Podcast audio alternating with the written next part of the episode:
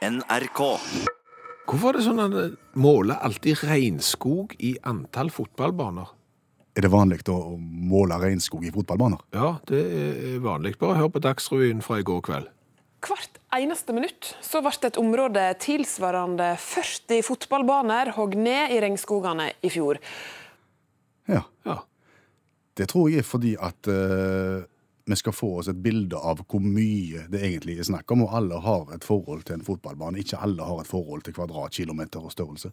Ganske smart, tenker jeg. Det tenker du, ja, men det, jeg tenker det er litt eh, dumt. Og så er det jo alltid fotballbaner det er snakk om. Men for det første så, så, så er det jo sånn at det, en fotballbane er jo ikke alltid en fotballbane. Så du mener at det er en upresis sammenligning? Ja, altså en meter er jo en meter, Ja. men, men en fotballbane er ikke en fotballbane, fordi at eh, en fotballbane som det er lov å spille fotballkamper på, kan eksempel variere fra 64 meter i bredden til 75 meter i bredden, altså 11 meter, det er mye det. Det er mye. Ja, og lengden kan, kan variere fra 100 meter lange til 110 meter eh, lange. Og, og det er jo ikke stor forskjell. Så dermed så blir det litt upresist hvis du først skal måle i fotballbane. Hvilken fotballbane skal du da eh, måle i? Altså det er den minste der. Eh, hvis du følger minimumsmålene på fotballbanen, så er den eh, 6400 kvadratmeter. Eh, hvis du måler den største, så er den 7875 kvadratmeter. Og det er klart at det er da når du begynner, det er nesten 1500 kvadratmeter forskjell. Og hvis du nå snakker sånn som Dagsrevyen gjorde med, med, med disse 40 fotballbanene, mm. så, så er det hele 59 000 kvadratmeter forskjell på den største og den minste fotballbanen. Og hvilken var det de refererte til her i Dagsrevyen? Jeg vet ikke jeg. Om jeg har fortalt deg at jeg har skåret på utspark, eksempel. At du har skåret på utspark? Ja, jeg, jeg har vært keeper. Ja, du har vært toppkeeper. Ja, Det, det kan du velge. Det er veldig fint du sier det. Men da tar du ballen i hendene, Ja. og så kliner du til ballen alt du kan. Ja, utspark fra mål. Ja, Så fyker den over hele banen, Ja. og så detter den i mål på andre sida. Det har du gjort. Det har jeg gjort. Har du det på film? Nei. Det er det ingen som har sett. Jo, jo, jo. Da er det de som har sett det. Jeg har, har vitner. En kamerat, blant annet, eh, som så det. Det var i seriekamp. Men, men det som er greia da, at den banen jeg gjorde det på, Ja. det var den banen som vi spilte hjemmekamper på, som er maksimalt så stor som en fotballbane kan være. Ok, Så da er prestasjonen enda større? Ja, ja, men sant, hadde jeg gjort det på den lille banen, så hadde jeg, å ja, spent den over hele banen. Det er jo ikke så rart for en sånn, sånn miniatyrfotballbane. Så det er store forskjell. Mm. Noen vil si at du bedriver pirk nå. Jo, Hva vil du bytte ut fotballbanen med, eventuelt som, som mål på regnskog? altså en ting er jo det at du har presise mål. Ja. Men vi har liksom meter og, og, og sånne ting, og det har vi jo et forhold til. Så, så hvorfor kan vi ikke bare si at det er 315 000 kvadratmeter, eksempel? Ja, For det er så vanskelig å skjønne hvor mye det er. Ja, men så, så velg da en idrettsbane som har faste mål, For som ikke varierer. Håndball. X antall håndballbaner med regnskog. Ja, Ja. altså folk har jo sitt håndballkamp. En håndballbane er 40 ganger 20 meter, altså 800 kvadrat. Og, og hvis du da tar denne saken fra Dagsrevyen i går, så tilsvarer det 393,75 håndballbaner med regnskog. Ja, Snaut 400 håndballbaner. Ja, hvis du skal være omtrentlige, så vær omtrentlige du. 393,75 håndballbaner med, med regnskog. Ja, ok. Eh, og så Jeg vil jo heller For oftest er det jo snakk om at det skal virke som så store områder. Det er jo derfor de sier det i, i Dagsrevyen. De sier 40 fotballbaner på, med regnskog som forsvinner liksom på noen minutter. Ja, Vi skal skjønne hvor mye det er. Ja, Ja. og da, hvis du vil, først da vil at ting skal høres mye ut, Ja. eh, så vil jeg gå- målt i bordtennisbord. Ok. X antall tusen bordtennisbord med regnskog hogd ned. Ja, Ja. For, fordi at et bordtennisbord er jo 274 cm langt langt, -hmm. og er 152,5 cm bredt. Ja. Altså drøye fire kvadratmeter er et bordtennisbord. Ok, Var det 40 fotballbaner som ble hogd ned? Ja, ja. Hvor mange Nei, altså, bordtennisbord er det? Det går 1884,6 bordtennisbord Ja, per fotballbane. Er veldig mye tall nå. Ja, ja, men altså Tenk deg Dagsrevyen i går. Ja. Mm. sant? Hvert minutt forsvinner der 75 385 bordtennisbord med regnskog. Da ser du at det, Å, salig katt, er det så mye? Du, oppsiktsvekkende sjørøvernytt. Hæ? Jeg sitter på oppsiktsvekkende sjørøvernytt.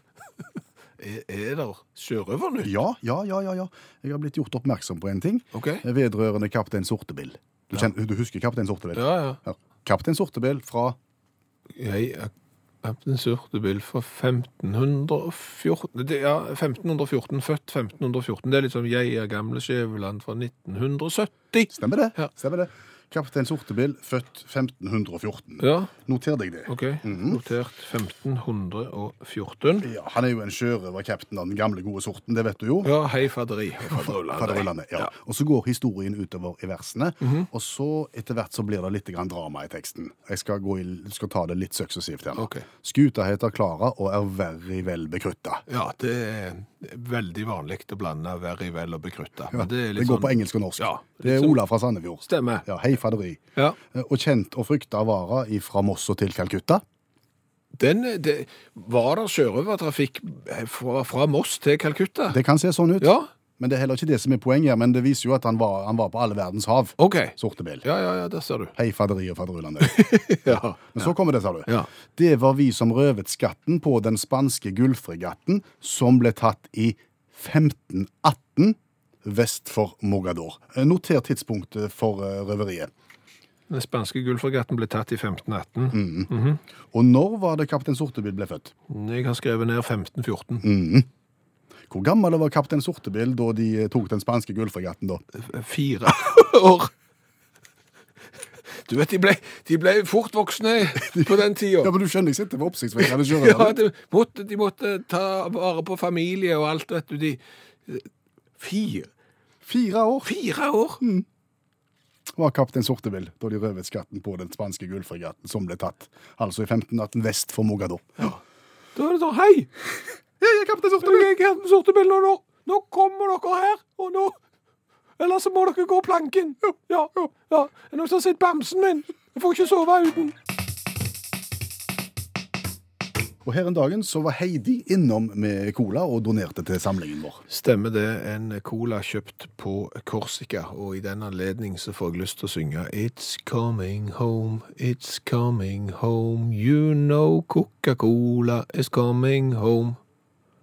Nå sang du på en måte en sang som jeg forbinder med fotball, og som engelskmennene synger når de på en måte vil ha fotballhegemoniet sitt tilbake igjen. Ja, engelskmennene mener jo at eh, fotballen den oppsto hos oss. Football is coming home. Litt det samme med korsikanerne. De mener at Coca-Colaen kommer fra Korsika, og nå har de fått seg en Coca-Cola som de er stolte av. Ok.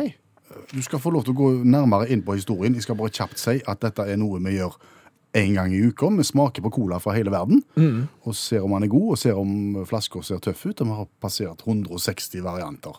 Og i dag altså Korsika, som hevder at de er grunnleggerne av cola, egentlig. Ja, Den flaska jeg sitter med i hånda, heter Corsica-Cola. Korsika-cola. Ja, det blir stor C i midten, så du får liksom det trykket Corsica og Cacola i én, så blir det et fiffig ordspill, Corsica-Cola. Og bakgrunnen for at korsikanerne mener at de er opphavet til Coca-Cola, er nemlig den at det var en kjemiker som heter Angelo Mariani. Han lagde da en vin som inneholdt kokain. Oi sann. Som om, som om ikke det ene var nok til å ruse seg på, så, så blander du det da. Og, og, For lenge, lenge siden? ja, altså vi er jo på, på 1800-tallet da. Eh, 1863 er vi i. Og han kalte denne vinen for Vin Mariani. Altså vin og kokain, kokablader. Ok. I Atlanta, USA, sitter der en farmasøyt og heter John Pemberton. Ringer det ei bjelle der med det navnet der? Ja, Er ikke det han som på en måte er Coca-Colaens far? Jo, stemmer det. Og han lagde først noe som heter Pembertons French Wine Coca. Ok. Og der ser du French Wine Coca. Han var inspirert og hadde basert sin oppskrift på vin Mariani, altså fra Korsika. Så kommer jo forbudstida i USA. Da er det ikke lov å ha alkoholholdig leskedrikk. Da skal, da skal alkoholen vekk. Og dermed så måtte jo Pemberton finne på noe nytt. Så han kunne putte kokainen oppi? Ja, så, så han gikk jo da for en, eh, en sånn sirup som ikke inneholdt eh, alkohol, og ble Coca-Cola. Akkurat. Om, om jeg føler at jeg har hørt den historien før? Ja, eh, fordi at spanjolene hevder jo òg at de er forløperen til Coca-Cola på nøyaktig samme viset, for de hadde òg alkoholholdig læskedrikk med, med kokablader og kokain oppi. Eh, Så, så her eh, krangler de. Ok. Samme det. Men korsikanerne hevder at de var først. Ja. Ok.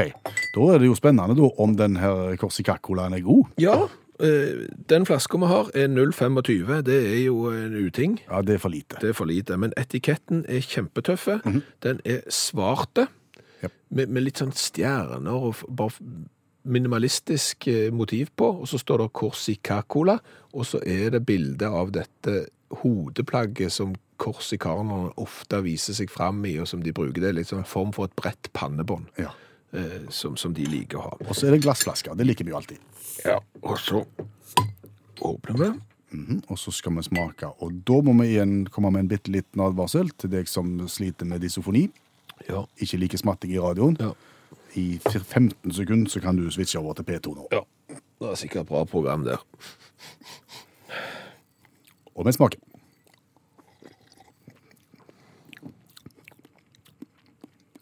Det var ikke verst.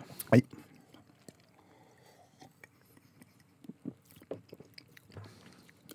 Litt lite smak.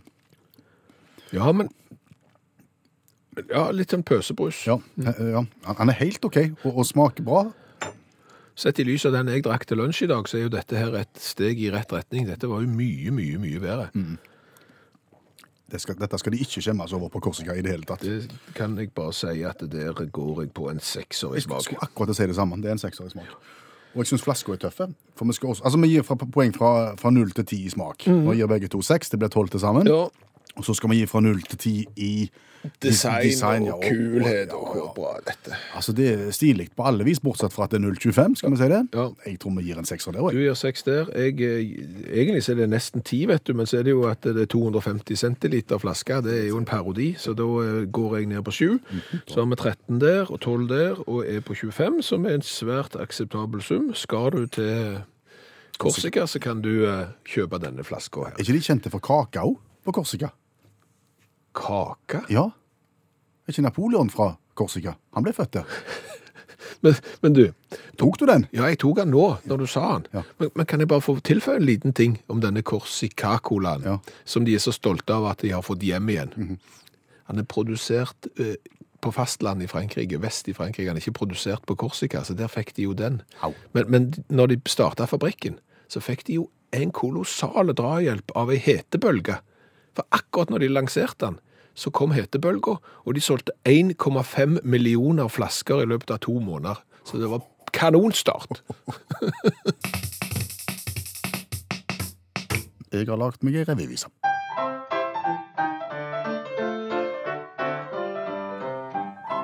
Ei revyvise som tar for seg et eller annet som har skjedd et eller annet sted i verden, men jeg skal fortelle sangen fortelle det i løpet av en sang på 28 sekunder. Ja, stemmer det. Eh, Hva er det du har lagd sang om? Det var flere alternativer i dag også, det er jo alltid det. Ja. Det skjer såpass mye der ute. Jeg var litt, ble litt eh, betatt av flamingoen som stakk av i 2005, og som ble funnet denne uka. Stakk av i 2005, vært vekke i, i 13 år. Yes, Han stakk av fra eh, Zoo i Kansas. Å ja, i USA, ja. Ja, ja, ja. I forbindelse med noe vedlikehold av pels.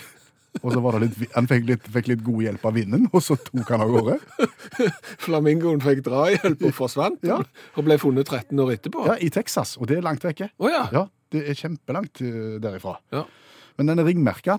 Og så, sånn de fant den, ja. Ja, så, ja, når han landa, så kunne de se at oi, det er jo den. Oh, ja. Det er jo den, jo. Så han har ikke hinka 100 mil, liksom, siden flamingoen gjerne står på én fot. Så bare Ja, det er langt. ser du hinkende rosa flamingo bortover. Ja, hallo. God dagen, ja. Hei. Hei. Hei. Kan de bli så gamle? Da? ja, de kan bli, ja, de kan bli kjempegamle. Denne her er 22 år, oh, ja. og kan bli 50. Oh, ja, så han kan rømme en gang til? Ja, ja, Da skal de passe på, sa du. Han er egentlig fra Tasmania. utgangspunktet. Ja. Men det ble ikke sang om den. Nei, ok. Det ble eh, sangen om de 9000 tønnene med whisky som ble knust i bygningskollaps. OK. 9000 tønner whisky, det er ganske mye, det. Ja, det, Anselige mengder. Hvis du skulle gjøre det om til fotballbaner når det flyter utover. ja, Så. det er mye whisky på, på mange fotballbaner. Ja. Am- Dette er i Kentucky. Ok, så, Amerika. ok, så det er sånn amerikansk whisky. Ja, hva heter den? Eh, som Bourbon Street. Ikke Bourbon Street, men Bourbon. Bourbon, ja. Bourbon. Det handler vel om at whiskyen inneholder mais, ikke det? Det vet jeg Ja, ingenting om. jeg tror det. Men det er vel der sangen kommer fra. Bourbon Street. Moon over Bourbon Street, Ja. vil jeg tro. Ja. Men OK, det, var det, det er et destilleri da, som da eh, en del av vegger og tak ramla sammen på. Gamle greier. Og deiste i bakken, og 9000 dønner. badusj. Eh, Tenk deg når du kommer på jobb, da. Oi. Oi, det var svært. det var mye. Og, du, og når du kjenner brennevinslukta på en måte en kilometer før du når arbeidsplassen din er for mye, for mye lakk ut. Ja, ikke så vel, en, en god del, Ja, men de har også klart å berge noe. Ja. Men en frykte, det som en frykter for her, Ja. er jo omgivelsene. At det er natur i området, at det kan sive ut i, i grunnen, og ikke minst i elva som renner rett forbi. Og der er det fisk. Og du kunne fått verdens gladeste laks. Ja, så på en måte, Det er jo dette jeg har tatt tak i. Ja. Altså, jeg, har jo, jeg, har jo, jeg fikk jo noen bilder i hodet Ja. når jeg så for meg at det rant mengder av whisky ut i elva. Ja. Kanskje litt barnslig, men her er sangen.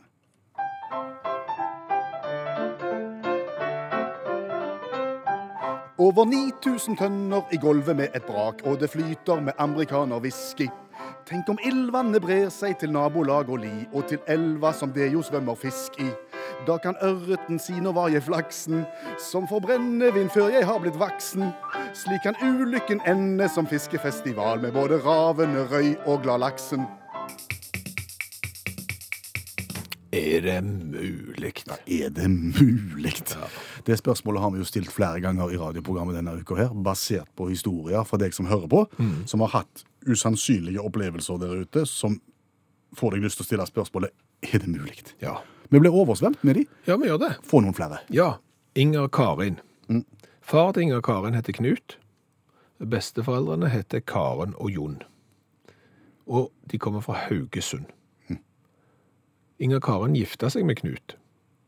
Hans foreldre heter Karen og Jon. Og de bodde i Hokksund. Altså det er Haugesund, Hokksund, ellers er alt likt. Karen og Jon og Knut. er- Er det mulig? Hør på denne. Ja. Ingrid har vært i New York for noen år siden. Og, og på hotellet der så sitter de og ser på en film som er altfor skummel for Ingrid. Eh, og hun begynner da å la blikket vandre og kikke vekk fra denne filmen, og, og ser da ei store bokhylle istedenfor. Og der, i bokhylla, så kikker hun på ei Jo Nesbø-bok ja. i New York. ja. Plukker den ut av bokhylla, ser inni, der er det et bokmerke. Og det bokmerket er et ferdigst skrevet postkort fra Sør-Amerika en plass. Viser seg at det postkortet er skrevet av en kompis av Ingrid. Flere år i forveien, adressert til kompisens foreldre. Og om ikke Ingrid husker feil, så har han ikke vært i New York i det hele tatt. Så dette kortet må da ha reist med boka inn i bokhylla i New York og inn i hendene til Ingrid. Er det mulig? Er det mulig? Vilma var sammen med faren i 1977, det er lenge siden, på reise i Sovjetunionen. Da var det ikke Russland. Nei. Da var det Sovjetunionen, det var ikke det åpneste landet i verden, ikke så veldig mange turister. De reiste med den transsibiriske jernbanen inn til Baikalsjøen.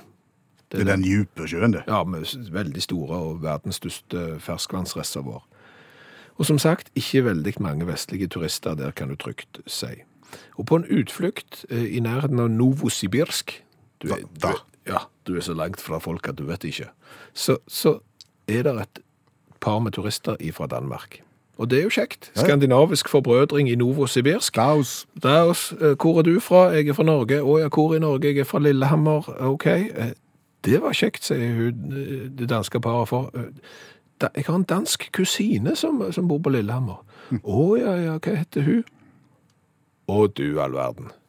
Det viser seg jo da at kusinen til dette danske ekteparet er naboen til Vilma i Lillehammer. Er det mulig? Fant de ut i Novosibirsk. Ja. ja. Så det er, der, der, er- mange sånne tilfeldigheter som er, du sitter igjen som et spørsmålstegn. Du, Det har ikke gått spesielt godt med med Panama i fotball-VM. Nei, det har gått dårlig. Det tapte stort både, både mot Belgia og, og mot England, og i dag så skal de spille mot eh, Tunisia, og hverken Tunisia eller Panama kommer til å gå videre i VM, så det er jo en bom. Og så tapte de mot Norge før VM begynte, så det er krise. 2-5 for Belgia tapte de, 1-6 for England. Ja. Og VM er altså over etter kvelden i kveld. Jeg ser for meg følgende overskrift på utgangspunkt i det som har skjedd. Eh, Panamas trener må ta sin hatt og gå. er den litt god? Jeg skjønner hvor du vil. Er det Panama-hatten? Ja, ja, ja. ja. Han, er jo god, eh, men han er litt dårlig òg. Fordi Fordi at Panama-hatten er jo ikke fra Panama. er ikke Panama-hatten fra Canada? Nei, fra, fra Panama. Nei, Panama-hatten er ikke fra Canada. Nei, ikke på noen måte. Han er heller ikke fra Panama. Nei vel. Men hvordan ser han ut? Ta det først nå. Skal gi oss et bilde. Det er jo en eh, stråhatt Ja eh, for, for herrer med litt stor brem. Eh, Og ser på grensen, altså en blanding av cowboyhatt og en annen hatt. Det skulle han hatt. Ja, det er, ja, men altså En Panama-hatt er en Panama-hatt som Ja. ikke er fra Panama. Ok, Litt breie og litt mafia. Ja, Okay. så, så skal den være lys. Greit. Men den Panama-hatten er altså ikke fra Panama? Nei, den er fra Ecuador. Ja, Det er ikke så langt vekke, egentlig. Nei, men greia er jo at de har jo lagd Panama-hatter i Ecuador siden 1600-tallet. Og, og når eksporten av Panama-hatter begynte, og verden hadde fått øynene opp for Panama-hatten, så måtte de jo skipe hatten ut i verden, og da skipte de den til Panama. For der hadde de jo en kanal. Ja, Og, og, og dermed så kom jo hatten, følte folk fra Panama, selv om han først var kommet fra Ecuador. Huh. Så derfor heter han Panama-hatt. Så da kan jo ikke treneren til Panama ta sin hatt og gå. Da er det jo Ecuador sin trener som må ta sin hatt og gå, og Ecuador har jo ikke vært med i fotball-VM. Nei, og da blir det ikke det samme. Nei. Hva har vi lært i dag? Åh, i dag har vi lært så mye. Eh, Om du husker i går i radioprogrammet Utakt, Ja, så snakket vi litt om å bare fortelle halve sannheten, for det fremstår du ofte bedre som. ja. Mm. Tor har sendt en melding om at han er jo en tidligere turner og gymlærer, og sto gjerne på hendene foran elevene. Ja. Og da fortalte han at han hadde vunnet VM i turn. Og da ble de imponerte. Nå ble de kjempeimponerte. Tor fortalte aldri at VM sto for Vestlandsmesterskapet. Han hadde vunnet VM i turn. Halve sannheten funker. Ja. Så smakte vi på cola i dag fra Korsika. Ja, Korsika Cola. Og til de som ikke tåler smatting på radioen, så anbefalte vi P2 i, i ca. 20 sekunder, for det, de hadde sikkert noe kjekt. eh, folk har bytta til P2, og de hadde ikke noe kjekt akkurat da. De hadde en litt dårlig sang. Det skal ikke du legge deg opp i. Nei, nei, men jeg bare sier Dette det. er smakebehag. Ja, sånn, så, sånn er det bare. Så har vi jo eh, snakket om hvorfor måles regnskog i fotballbaner. Ja, En sier gjerne det f.eks. på Dagsrevyen at eh, et areal tilsvarende 40 fotballbaner blir uh, hogd ned av regnskogen hver dag. Ja, det er jo for å skape bilder i hodet på oss, men det er jo et veldig upresist mål, for en fotballbane kan variere veldig i størrelse. Det kan være opptil 1500 kvadratmeter forskjell på eh, to fotballbaner som det er lov å spille internasjonale kamper på. Eh, så derfor reagerer jo vi litt på det, og vil heller at det skal brukes presise mål, som eksempel bordtennisbord. Ja, For bordtennisbord er standardisert 274 cm ganger 152,5 cm. Og dessuten så høres det veldig mye mer ut når du oppgir tallet i bordtennisbord, for da vil det jo bli mengder. Ja, ja, altså 40 fotballbaner tilsvarer 75 385,9 bordtennisbord med regnskog. Da skjønner du at du har en klimautfordring. Ja, du, du, du gjør det. Så har jeg jo lært litt om Kaptein Sortebil. Jeg er kaptein Sortebil fra 1514. Hei, fadderi og fadderullan deg. Du har lært litt av meg om Kaptein Sortebil. Ja, for du sier jo da jeg er Kaptein Sortebil fra 1514. Mm. Da tolker du det som om han er født i 1514. Og når da sangen går videre at de rante en eh, spansk båt for gull og søtsaker og alt, Fregatten i 1518. ja, så har du da konkludert med at Kaptein Sortebil var fire år mm. når han rana denne Ja. Du har fått veldig mye kritikk fra en hele bråde med SMS-er der folk i harnisk sier at dette her er jo riv røskende gal Og jeg tolking. vekte opp sjørøverfolket. Ja, du har det. Eh, For det står altså fra 1514, Ja. Kaptein Sortebil fra 1514. Ja. Det vil si at 1514 er det året der Sortebil ble kaptein. Det var der han gikk inn i sjørøverfaget sitt. Ok, Så jeg er Per Øystein Kvindesland fra 1994, for Ja. da begynte jeg i NRK. Ja. Syns du det er logisk? Nei. Nei, nei, men, men, eh, men OK. Oppsiktsvekkende sjørøvernytt uansett. Ja, og det er mer. Sjørøvernytt. Oi sann! Ja, for Lennart har tipsa oss om okay. blodferskt sjørøvernytt fra Fedrelandsvennen i dag. Å ja, hva har skjedd? Hva har skjedd? Ja. Fedrelandsvennen, aviser som kommer ut i Kristiansand, har følgende overskrift i dag. Kaptein Sabeltann skremt av illsint elg i Randesund. Hva har skjedd med, med Kaptein Sabeltann? Når historien kommer, så blir han jo ikke så spennende, men det er jo da Terje Formoe, som bor i Kristiansand, ikke langt ifra Randesund. Han og kona har vært ute og på joggetur, og Terje Formoe er jo opphavsmannen til Kaptein Sabeltann. Ja. Så møtte de elg, Akkurat. og derfor har du fått overskriften Kaptein Sabeltann skremt av illsint elg i Randesund. Og det stopper ikke der, sa du. Oh. Fordi at uh, Sabeltann sjøl, eller Formoe, har jo vært inne og kommentert saken. Mhm. og, og sier rett skal være rett. Elgen var ikke særlig illsint. Den beita fredelig ved stien, men de frykta hva som kunne skjedd dersom en nærma seg for mye. Og så vil han gjerne presisere at kaptein Sabeltann aldri har jogga. Iallfall ikke i ei lysløype. Det skulle tatt seg ut. Ja. Helt til slutt, husker du fotballbaner og mål? Ja. Ja. Eh, Marit har delt en avisartikkel med oss i utakt fra Indonesia. Jaha. Fordi at eh, fotballbaner er sånn relativt standardiserte, men du må vite om du opererer med meter eller fot.